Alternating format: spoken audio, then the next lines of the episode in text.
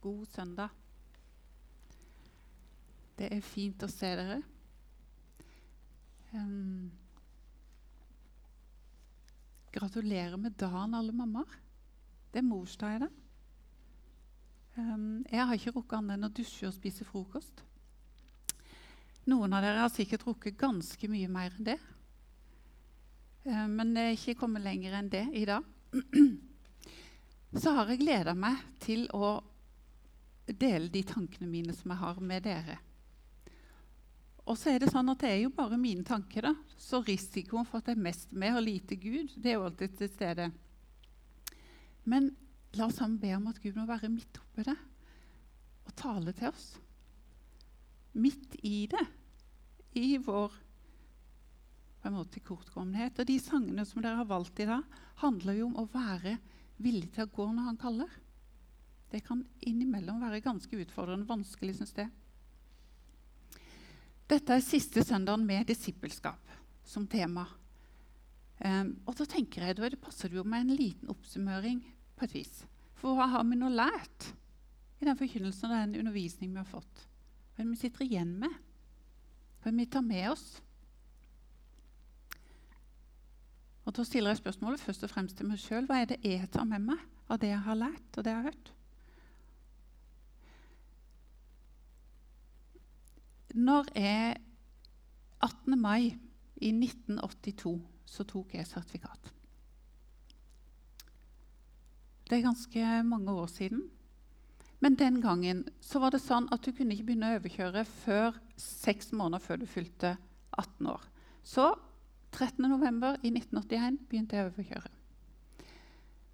Så rett over jul i 1982 så begynte jeg på teorikurs. Og så veksla jeg mellom å praktisere, mellom å kjøre bil og mellom å lære om bil. Og da husker jeg enda, Det var sånn han viste sånn bilde på veggen av en rundkjøring. Og hvordan bilene skulle plasseres, og hvordan hvis du kommer der, hvem skal vike, hvem skal blinke. hvordan skal du forholde deg til det? Eh, I Arendal hadde vi ikke så veldig mange rundkjøringer. men vi hadde, hadde vi ett lyskryss, og der måtte vi alltid trene oss. hvordan skulle det foregå. Og den vekslinga mellom teori og praksis var jo helt avgjørende for meg som kommende sjåfør. For hadde ikke hatt den praksisen Hvis jeg bare hadde sittet på teorikurs, så ville jeg jo kanskje etter hvert, etter åra som gikk, så ville jeg tenkt Finnes denne bilen? Jeg ser bilder av den når jeg hører til siden den kjører, men hvordan høres det ut?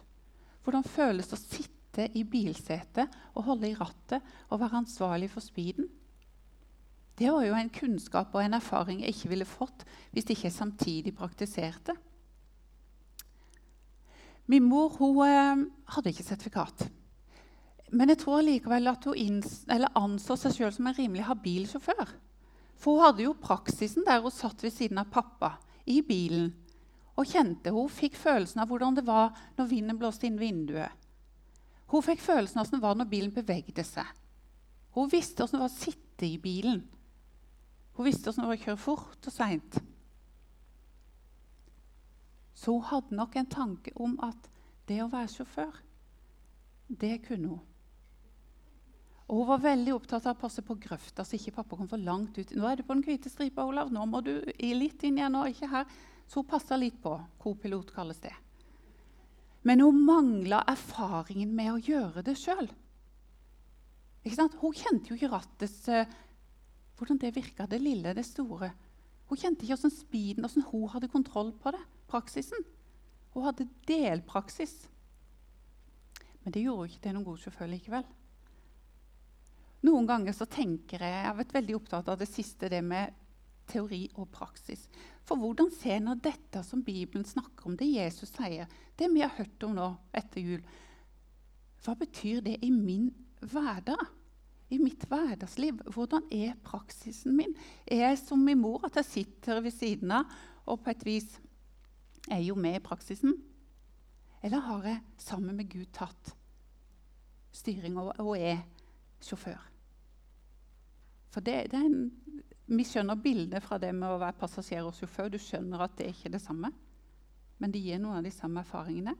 Og det å være sammen med Jesus har jeg erfaringer for min egen del, eller har jeg de erfaringene som dere forteller meg om. Og Det er litt det som er disippelskap, eller å være disippel. For disippelskap, Av og til så blir jeg litt opptatt av ordet. Hva betyr disippelskap? Hva er skapet i disippel? Jeg kan tenke at Disippel er å være lærling, og det å være lærling med våre lærlingskapet. altså Jeg tror jo ikke at de som er lærlinger eller studenter, de har nok sitt garderobeskap, kanskje. Men det med disippelskap var egentlig det. Så da har jeg lyst til å frigjøre skapet og tenke disippel, altså lærling. At vi er det i praksis. Jeg har lyst til at vi skal be. Jesus, må du bare være her midt i våre liv, midt i våre tanker, midt i de prosessene som hver enkelt av oss er i. Ber Gud om at du må utvikle oss og gjøre oss til sjåfører, sånn at vi er villige til å gå når du kaller oss. Velsign dagen i dag. Amen. I dag skal jeg trekke fram to tekster. Jeg hadde tenkt tre, men da er det jo godt at når jeg planlegger litt hjemme, så så jeg at eh, jeg kom opp i 48 minutter, så tenkte jeg at det var sikkert ikke lurt. Så jeg kutter den ned til tre og håper at jeg kan svive den på, en, på litt mindre tid enn det. Um, og da har jeg fått med meg to stykker som skal lese de tekstene. og Først så skal vi høre om kvinna ved brønnen. og Da er det Elin Tveiten som skal lese den teksten. Og Det er jo to grunner. At jeg skal slippe å høre med hele tida. Og så er det for å vise at vi er forskjellige som personer. Vær så god, Elin.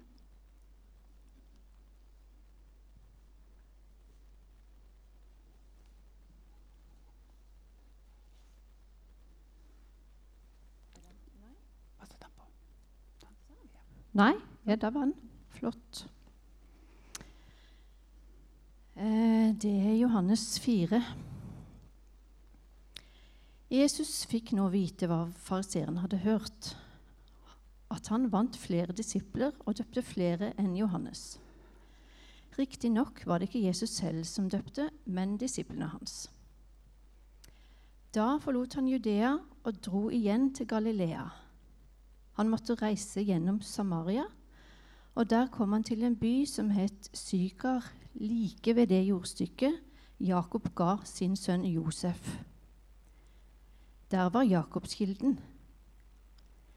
Jesus var sliten etter vandringen, og han satte seg ned ved kilden. Det var omkring den sjette time. Da kommer en samaritansk kvinne for å hente vann. Jesus sier til henne, 'La meg få drikke.'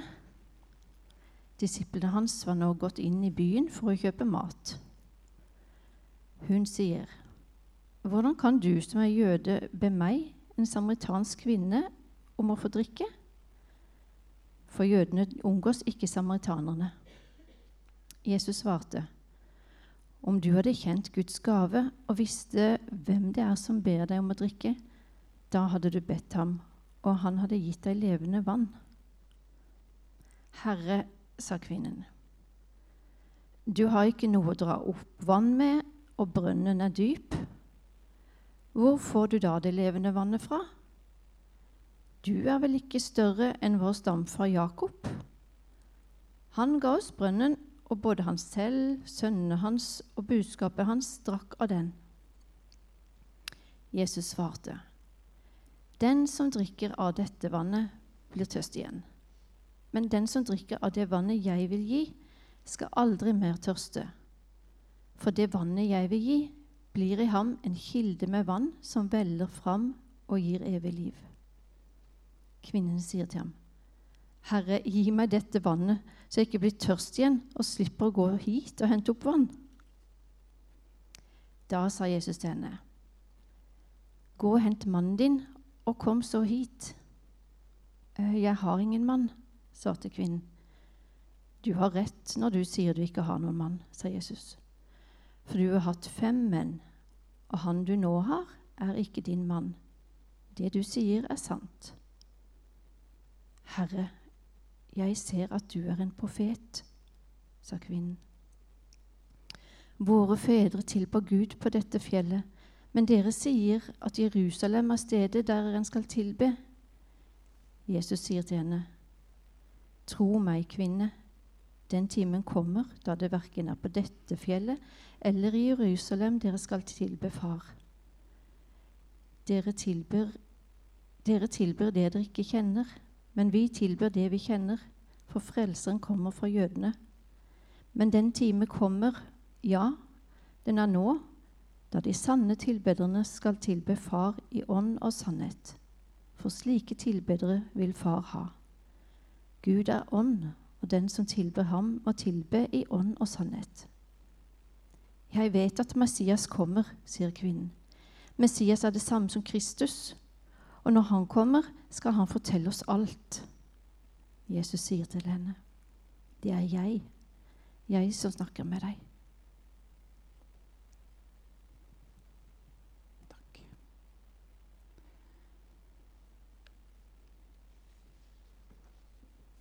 For at vi skal kunne lære Eller ikke lære, for at vi skal kunne flytte oss fra nei, førersetet over i sjåførsetet, så må vi gå sammen med Jesus. Vi må se hvordan han eh, var i møte med mennesker. På den måten så øker vi vår kunnskap og teori. Vi får praksis og erfaring, og vi kan utøve disippel. Eller vi blir mer og mer disippelgjorte. Nå har jeg lyst til at dere skal være med meg litt i et lite tankeeksperiment med å tenke at nå er min disippel sammen med Jesus denne dagen der han var på vei gjennom Samaria. Vi går der sammen med Jesus. Så står det at han ble sliten. Å være sliten det er jo en følelse vi alle kan kjenne oss igjen i. Det, det er ikke ukjent for meg å bli sliten. Så vi går der sammen med Jesus, og vi er heldigvis fritatt fra å gå inn i byen og kjøpe mat. Vi skal få lov å være sammen med Jesus der, ved brønnen. Og tenke at det er nydelig å få lov å sitte der sammen med Jesus, bare oss to, og være der i fellesskap med han. Uten å skulle gå inn en støvete byen med samaritanere som kanskje en i tillegg der borte får, ville få kommentarer på hva gjør dere jøder her. Orker ikke det. Jeg syns det er slitsomt. Så vi sitter der sammen med Jesus. Og så kan det jo være at en kjenner litt på tørst. Og det er jo en brønn der, men så får vi se, så kommer det en dame gående opp. Så kjenner jeg blir litt nervøs, for jeg tenker, hva Jesus gjør nå? Han, dette her, det funker kanskje dårlig, for vi er jo ikke venner med de, og de liker ikke oss så mye. Dette her går ikke. Når vi ser hvordan han reagerer, jeg bare får meg helt ro. Jeg vet jo at han har sikkert kontroll på det. Og så kommer hun opp, og så sier Jesus til henne Gi meg noe å drikke. Så tenker jeg Det hadde vært enkelt for henne bare tatt det og bare øse opp litt for å unngå noe mer kommunikasjon med de menneskene vi ikke skulle ha kommunikasjon med. Nei, hun gjorde ikke det. Hun velger å si Åssen kan du som er jøde, snakke til meg som er samaritaner og kvinne? Så vet jo ikke vi om hun sa det så pent. Kanskje hun sa Åssen kan du, som er jøde, snakke til meg som en samaritansk kvinne. Det vet vi ikke ut fra teksten hvordan hun uttaler ting. Og det kjenner vi alle til, at vi kan si det samme på forskjellige måter. Kommer an på hvilket toneleie vi legger det i, og hvordan vi uttaler det. Hva vi legger bak, hvilken vekt vi legger på de ulike ordene i setningen. Men la oss tenke at hun bare snakka undrende til Jesus og tenkte ja, men du er mann og du er jøde, og du skal på ingen måte tale til meg. Og jeg har gått hit nå på dagen for å slippe å forholde meg til noen av mine egne. Og så sitter du her. Så sier hun det. Åssen kan du som er jøde, snakke til meg som en samaritansk kvinne? Og så sier Jesus, hadde du visst hvem som snakka med deg, og kjent de i Guds gave, så hadde du bedt han om å drikke. I det første svaret til den kvinna Åssen kan du som er jøde, be meg som er samaritansk kvinne? Så tenker jeg at det hun presenterer Jesus kom med et spørsmål om vann. Forholdsvis greit spørsmål. Det er litt sånn ja, nei, for eller ikke for. Det er ikke så veldig med vurdering, tolkning. Skal jeg ha vann? Nei, skal jeg gi, nei det, skal jeg gi ham vann? Skal jeg ikke gi ham vann? Enkelt spørsmål. Så svarer hun Sånn, ja, men altså, Hun svarer ut fra de kulturelle føringene som lå i samfunnet. Samfunnets normer og regler, historiske overleveringer. Samaritaner og jøder snakker ikke sammen. Sånn er det bare. Vi omgås ikke. Så Jesus spør et enkelt spørsmål. Hun svarer med hele samfunnsnormer, regler, kultur og allting inn i det. Ikke sant? Åssen kan du som er jøde snakke med oss? Da prøver hun å parkere hele samtalen. Det går ikke. Det Jesus gjør da, er interessant. Er, du her, det er jo her vi kan forflytte oss fra passasjersetet over i førersetet. For hva er det Jesus gjør? Jo, han sier Hadde du visst hvem som snakka med deg?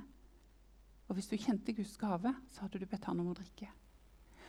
Allerede der kjenner jeg at det hadde gått i ball for min egen del. Fordi at jeg var sliten og tørst og hadde et ønske om å få noe å drikke. Så da hadde jeg kanskje muligens blitt en smule irritert og sagt altså, hallo, hei, hei. Jeg har gått langt, jeg er trøtt, jeg er sliten, jeg sitter bare her. Unnskyld meg. Kan jeg få bitte litt å, å drikke? Så kjenner jeg på en måte at min egen frustrasjon, irritasjon Det, det, det er akkurat som at det bobler litt opp. Sant? Mine følelser, mine behov. Så kommer hun her og snakker til meg om Var det kritikk? Var, nei, det var ikke kritikk. Nei, var, ja. så, så ville det gått i ball allerede der for min del. Ikke hvordan dere ville kjent det, men hvordan, hvordan vil dere håndtere det? Og så sier han da, Jesus, ja, så vil du bedt meg om å drikke. Og så fortsetter hun. Så sier hun, er du større enn vår stamfar Jakob? Han som har laga denne brønnen. Han som har Han og sønnene og budskapen hans brukte den. Er du kanskje større enn han?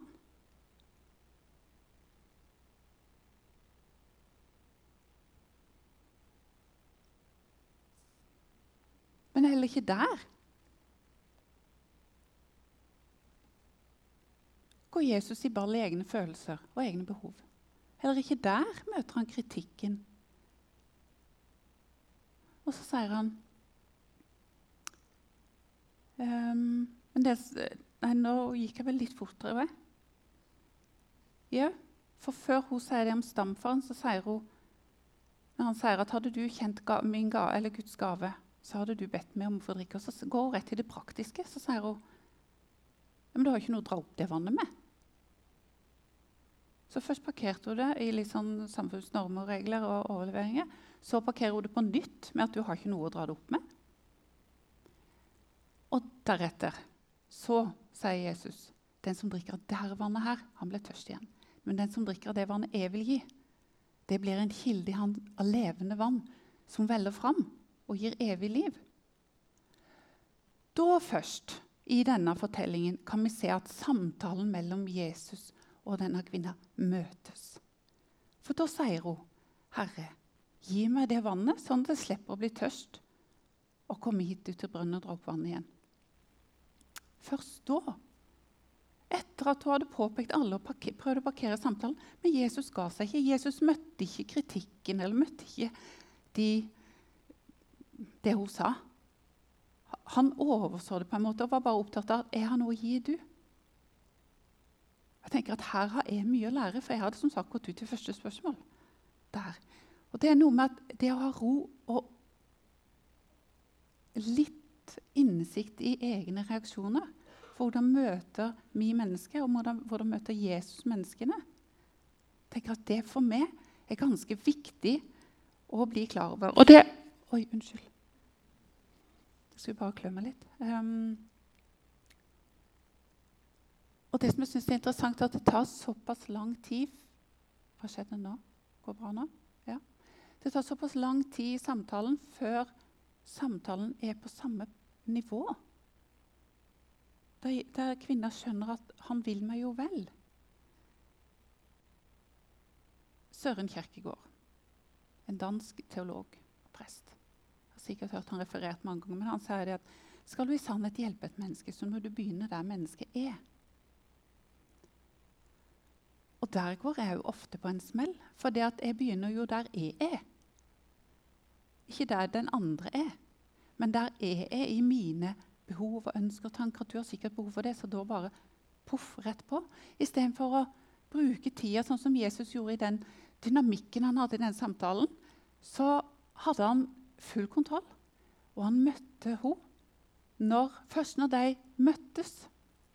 Da utfordra Jesus henne i sitt privatliv. Han sier 'gå og hent mannen din'. Det kan være flere grunner til at han ba henne gjøre det. Kanskje han vil teste hjertet. Hvor er hjertet ditt? Er du, er du ekte? Er du ærlig med livet ditt? Det vet vi ikke, men Jesus han tålte de avvisningene. Han tålte å være i det. Jeg kjenner at Det er noe av den praksisen som jeg har lyst til å ha i mitt liv. Noe av den, for, noe av den roen Jesus hadde, den har jeg lyst til å ha.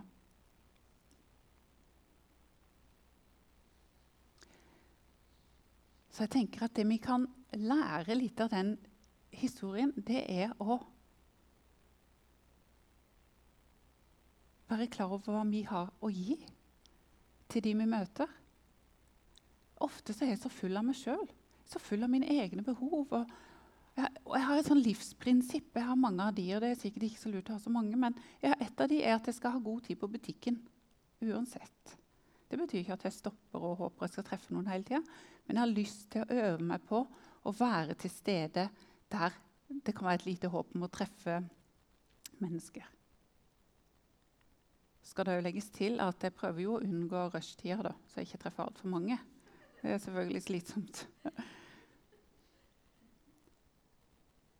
Men det å være der og, og se noe behov Men så kjenner jeg etterpå noen ganger og tenker herlighet, fillene gikk jo fem på igjen.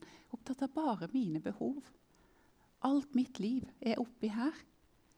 Og det jeg kommer fra, er oppi her, samtidig med det jeg skal til, er oppi her. Og Da kan det av og til være litt problematisk å stå midt i å være opptatt av den jeg møter. Og så er det ikke alle plasser vi skal gå inn i dype samtaler. Det er ikke det jeg mener. Men det med å være til stede sammen med i de minuttene vi får, det er noe jeg tenker jeg kan lære litt av denne teksten og ta med meg. Så kan jeg jo prøve å være litt sånn skli over i det der eh, sjåførsetet. Så skal vi høre en historie til. En lignelse. Helse Marie.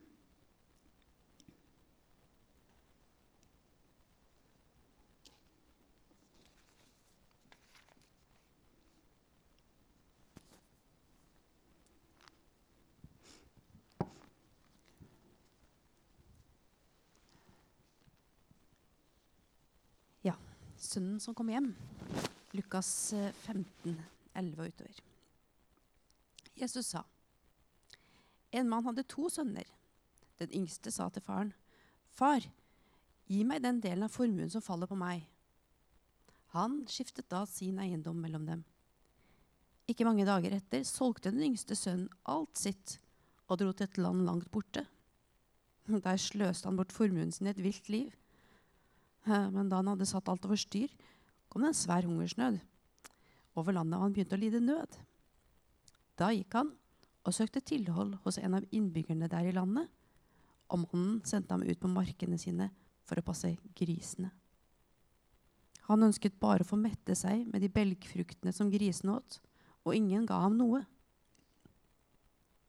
Da kom han til seg selv og sa, hvor mange leiekarer hjemme hos min far har ikke mat i overflod, mens jeg går her og sulter i hjel?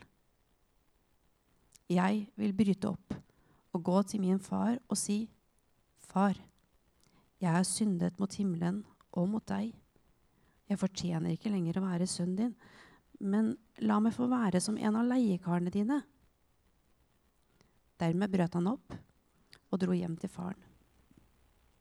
Da han ennå var langt borte, fikk faren se ham, og han fikk inderlig medfølelse med ham. Han løp sønnen i møte, kastet seg med halsen på ham og kysset ham. Sønnen sa, 'Far, jeg har syndet mot himmelen og mot deg.' 'Jeg fortjener ikke lenger å være sønnen din.' Men faren sa til tjenerne sine, 'Skynd dere! Finn fram de fineste klærne og ta dem på ham.' 'Gi ham ring på fingeren og sko på føttene.' Og hent gjøkalven og slakt den, så vil vi spise og holde fest. For denne sønnen min var død og er blitt levende. Han var kommet bort og er funnet igjen. Og så begynte festen og gleden. Imens var den eldste sønnen ute på markene. Da han gikk hjemover og nærmet seg gården, hørte han spill og dans. Han ropte på en av karene og spurte hva, hva som var på ferde. Din bror er kommet hjem, svarte han, og din far har slaktet gjøkalven fordi han har fått ham tilbake i god behold. Da ble han sint og ville ikke gå inn. Faren kom ut og prøvde å overtale ham. Men han svarte, svarte faren, her har jeg tjent deg i alle år, og aldri har jeg gjort imot ditt bud. Men meg har du ikke engang gitt et kje, så jeg kunne få holde en fest med vennene mine. Men straks denne sønnen din som kom, kommer hjem, han som sløst bort pengene dine sammen med horer, da slakter du gjøkalven for ham. Faren sa til ham, barnet mitt, du er alltid hos meg, og alt mitt er ditt. Men nå må vi holde fest og være glade. For denne broren din var død og er blitt levende. Han var kommet bort og er funnet igjen.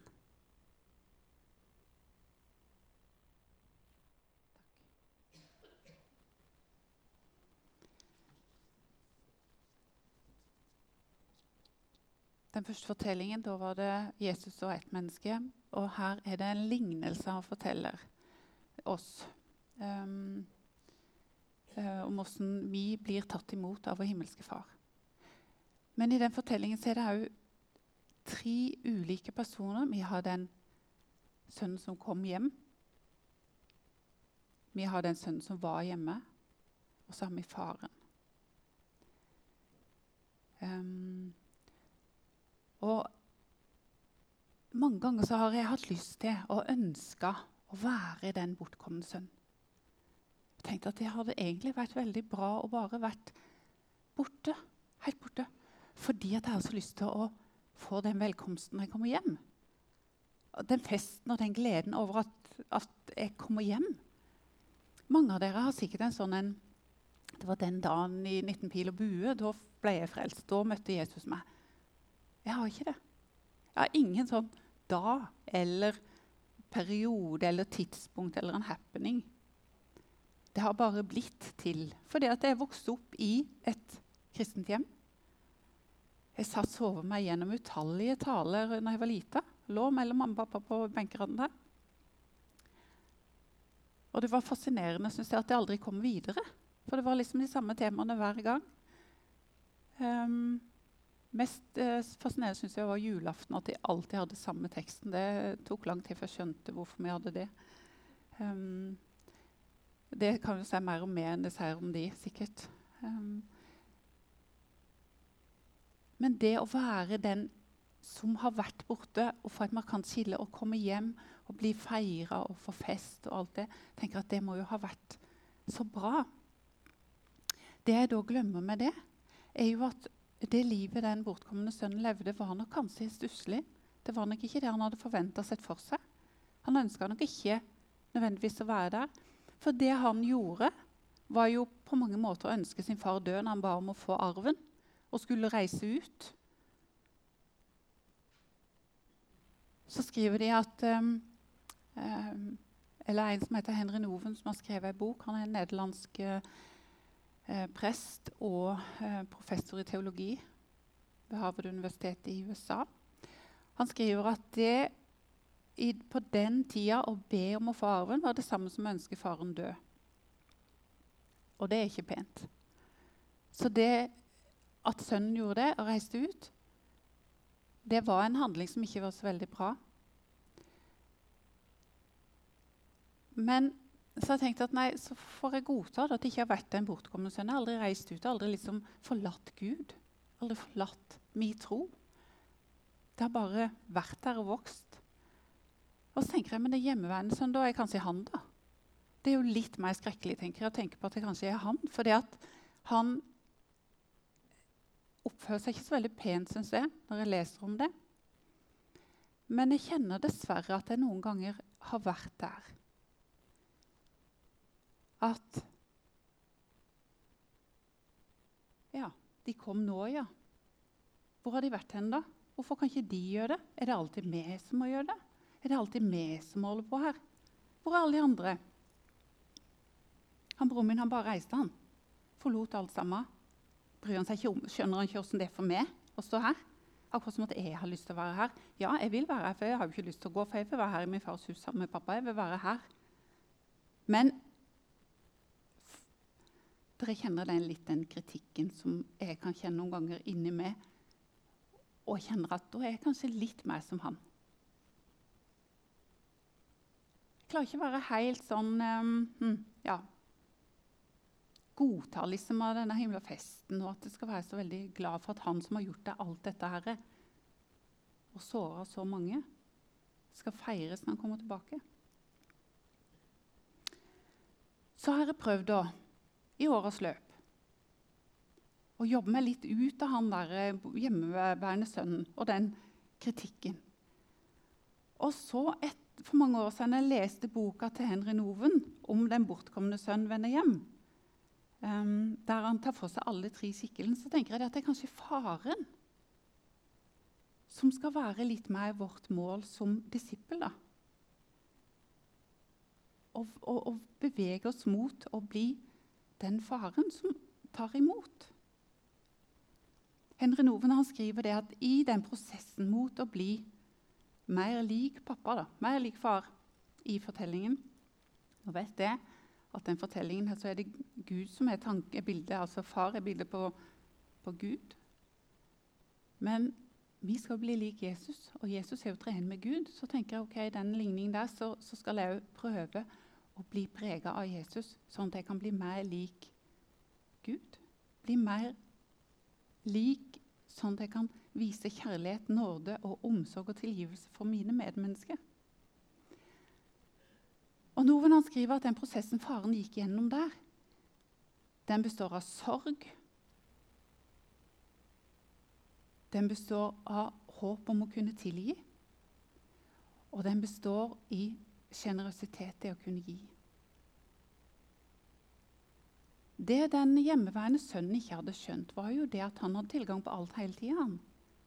han hadde bare ikke gjort seg nytte av det. Han hadde ikke gjort seg nytte av alle de mulighetene han hadde. Alt mitt er ditt, sa faren. Du har ingen begrensninger. Alt mitt er ditt. Så tenker jeg, har ikke det gått opp for den hjemmeværende sønnen? Har ikke det gått opp for meg at alle mine rettigheter, alle mine muligheter i Gud er til stede hele tida, selv om jeg ikke har vært borte og kommet hjem? For det er jo det. Det er jo tilgjengelig for meg. For oss.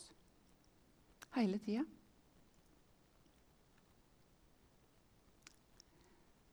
så tenker jeg det at som far og sønn da, De har sikkert hatt hvert sin sorg over at denne broren reiste vekk og ikke gjorde sånn som du hadde forventa han skulle gjøre. Det de glemte, faren og hjemmeværende sønnen, det var å snakke sammen. tenker jeg. Ser for meg at de burde hatt litt bålkos på kveldstid og satt seg til og snakka litt sammen om du, han der er broren din, og han reiste, da ble jeg veldig lei meg. Det gjorde noe med meg at han reiste, og jeg er veldig takknemlig for at du er igjen. og at vi sammen kan. Og dersom han broren din kommer hjem, hvordan skal vi forholde oss til det? Hvordan skal vi gjøre da? Skal vi lage fest? Skal vi eh, ignorere han? Skal vi ha en sånn strafferunde der ute på jordet, litt, grann, suse litt rundt der før han får lov å komme inn? Hvordan skal vi gjøre det? De hadde jo ikke det. Og det tror jeg kan være litt lurt. Snakke litt sammen om hvordan vil vi forholde oss når. Hva, hvordan vil jeg reagere når? For det tror jeg kan være en, en lur ting. For, da, for det at denne hjemmeværende broren Jeg tror ikke han var så sinna og så sur som det kan se ut i Bibelen. Jeg tror egentlig han bare var litt lei seg fordi at han ikke hadde gjort seg nytte av alt det han kunne gjøre seg nytte av underveis. Jeg liker iallfall å tenke det. Det kan jo være fordi at jeg føler meg mer lik han. Det er en forklaring på det. Men um, men for at vi skal kunne bli mer Jesusaktige, mer disippelgjorte og være mer som hans redskap i hverdagen våre, så kan vi jo tenke at det målet vårt kan være å, bli mer og mer lik faren. At vi kan sørge sammen over, over mennesker som ikke ønsker vårt fellesskap. Det er en sorg. Eller hvis barna våre ikke har lyst til å være som oss, som vi har lyst til å være sammen med dem. det kan være en sorg.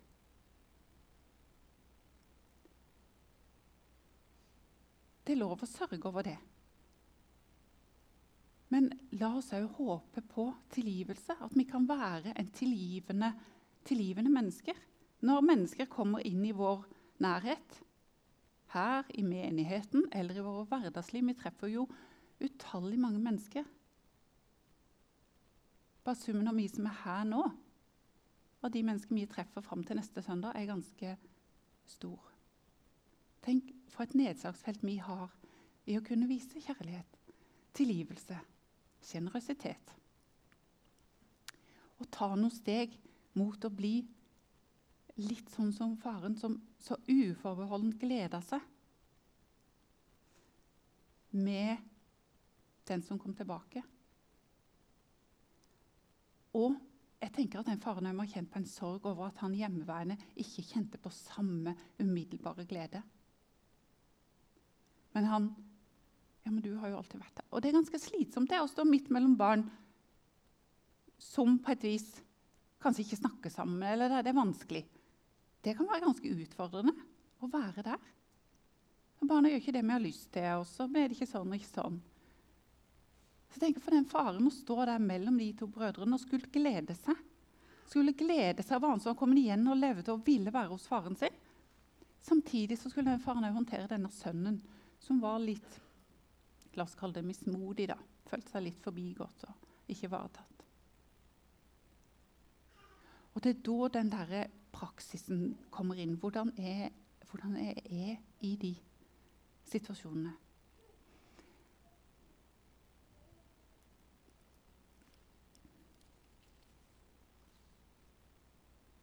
Jeg skal avslutte. Det som er viktig, er på en måte ikke det jeg har sagt eller formidla i dag. Det er bare mine tanker. Det som er viktig, det er de, hvilke tanker dere har fått. La de vokse. Og la det som dere eventuelt sitter igjen med, ikke bare fra i dag, men fra gudstjenester totalt sett Vær åpen for at det kanskje er Guds stemme til du. For det, det syns jeg av og til kan være litt vanskelig å vite. Når er Den hellige ånd som snakker til meg? Når er det meg sjøl som snakker? For stemmen i hodet mitt er ganske lik, heldigvis, hele tida. Det er ikke så lett å vite. Så her kreves det jo øvelse, og det kreves trening.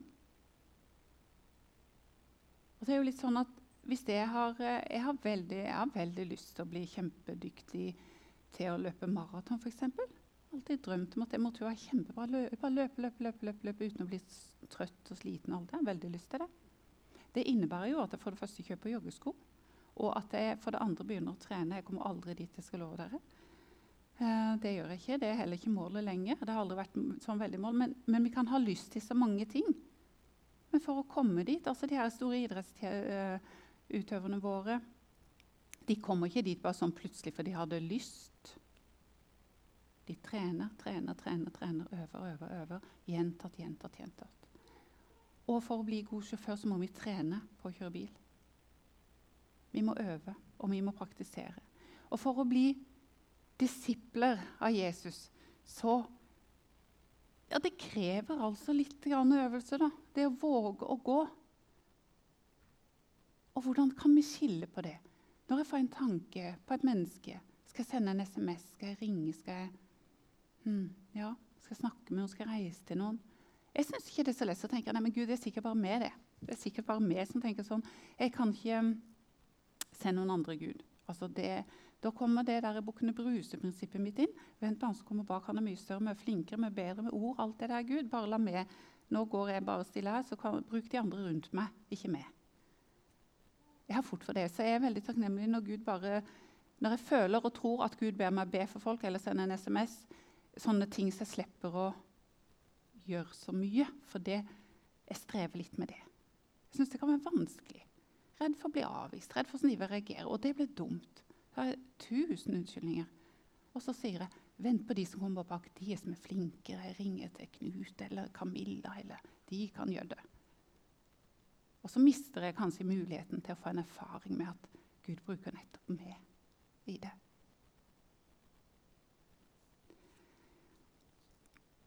Så det med å vokse dypere ved disippelskap, som sånn sett har vært tema, det handler jo om bare rett og slett om å være sammen med Jesus. da. Det handler om å lese hvordan var Jesus i møte med mennesker.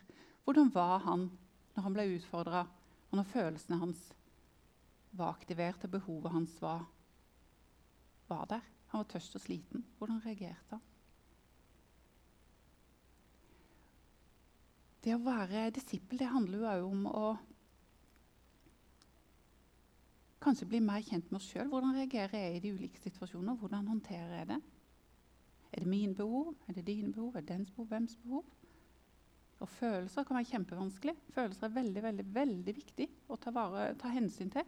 Men ikke følelser som sier at 'jeg føler at jeg skal ikke, jeg føler at du skal'. Men følelser i betydningen at du må ha kontroll på, på deg sjøl i det. Sånn at ikke en gjør som jeg mange ganger gjør, at jeg blir irritert hvis det ikke er litt i gåstegn får det som jeg vil. Så det handler jo noe om å bli kjent med seg sjøl, det å være disippel og gå med Jesus. Det vil øke vår kunnskap og teori i forhold til Jesus. Det vil gi oss praksis og erfaring. Og det vil òg gjøre at vi får en dypere kjennskap til Jesus. Og vite mer og tid han snakker til oss, taler til oss. Det er ikke alltid så lett, syns jeg. Men um, sammen med Jesus så er vi på vei dit. Det er det som betyr noe. Sammen med Jesus. Slapp av i Jesu navn. Vær velsigna. Og øv og tren. Men be om tilbakemelding, for det er ikke alt vi gjør, som er like riktig. Og det er ikke alle våre tanker vi til enhver tid skal presentere. Det kan være klokt å ta en runde til. og Det er en som har sagt at hvis det er av Gud, så forsvinner det ikke. Da haster det ikke nødvendigvis med å få det fram med en gang. Gå noen runder og test. Husker jeg det i morgen? Er det viktig i morgen? Da kan du agere og handle på det. For det, det, er jo en kjensgjerning at vi noen ganger kan trø hverandre ganske mye ned i Guds navn. Og det skal vi òg være veldig forsiktige med. Se hvordan Jesus gjorde den mildheten han hadde, hvordan faren tok imot sønnen sin. Det er en disippelskap i praksis. Amen.